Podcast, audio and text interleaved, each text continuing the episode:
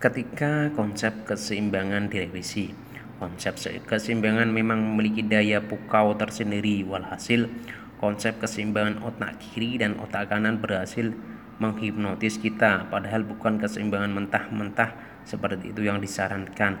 Karena kalau kita telah lebih lanjut, dimensi EQ itu banyak kaitannya dengan otak kiri. Lihat sif saja sifat-sifatnya satu persatu. Kognitif, realistis, matematis, eksplisit, dan self-centric.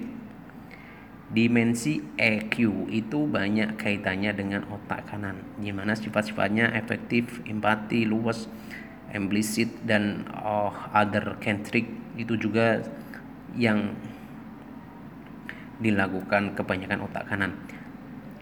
Riset di Santero Jagat pun dengan sahih menyimpulkan kesuksesan mereka peranan EQ sekitar 80%, sedangkan IQ sekitar 20%. Jadi dominan EQ bukan imbang IQ IQ, bukan pula imbang kiri kanan.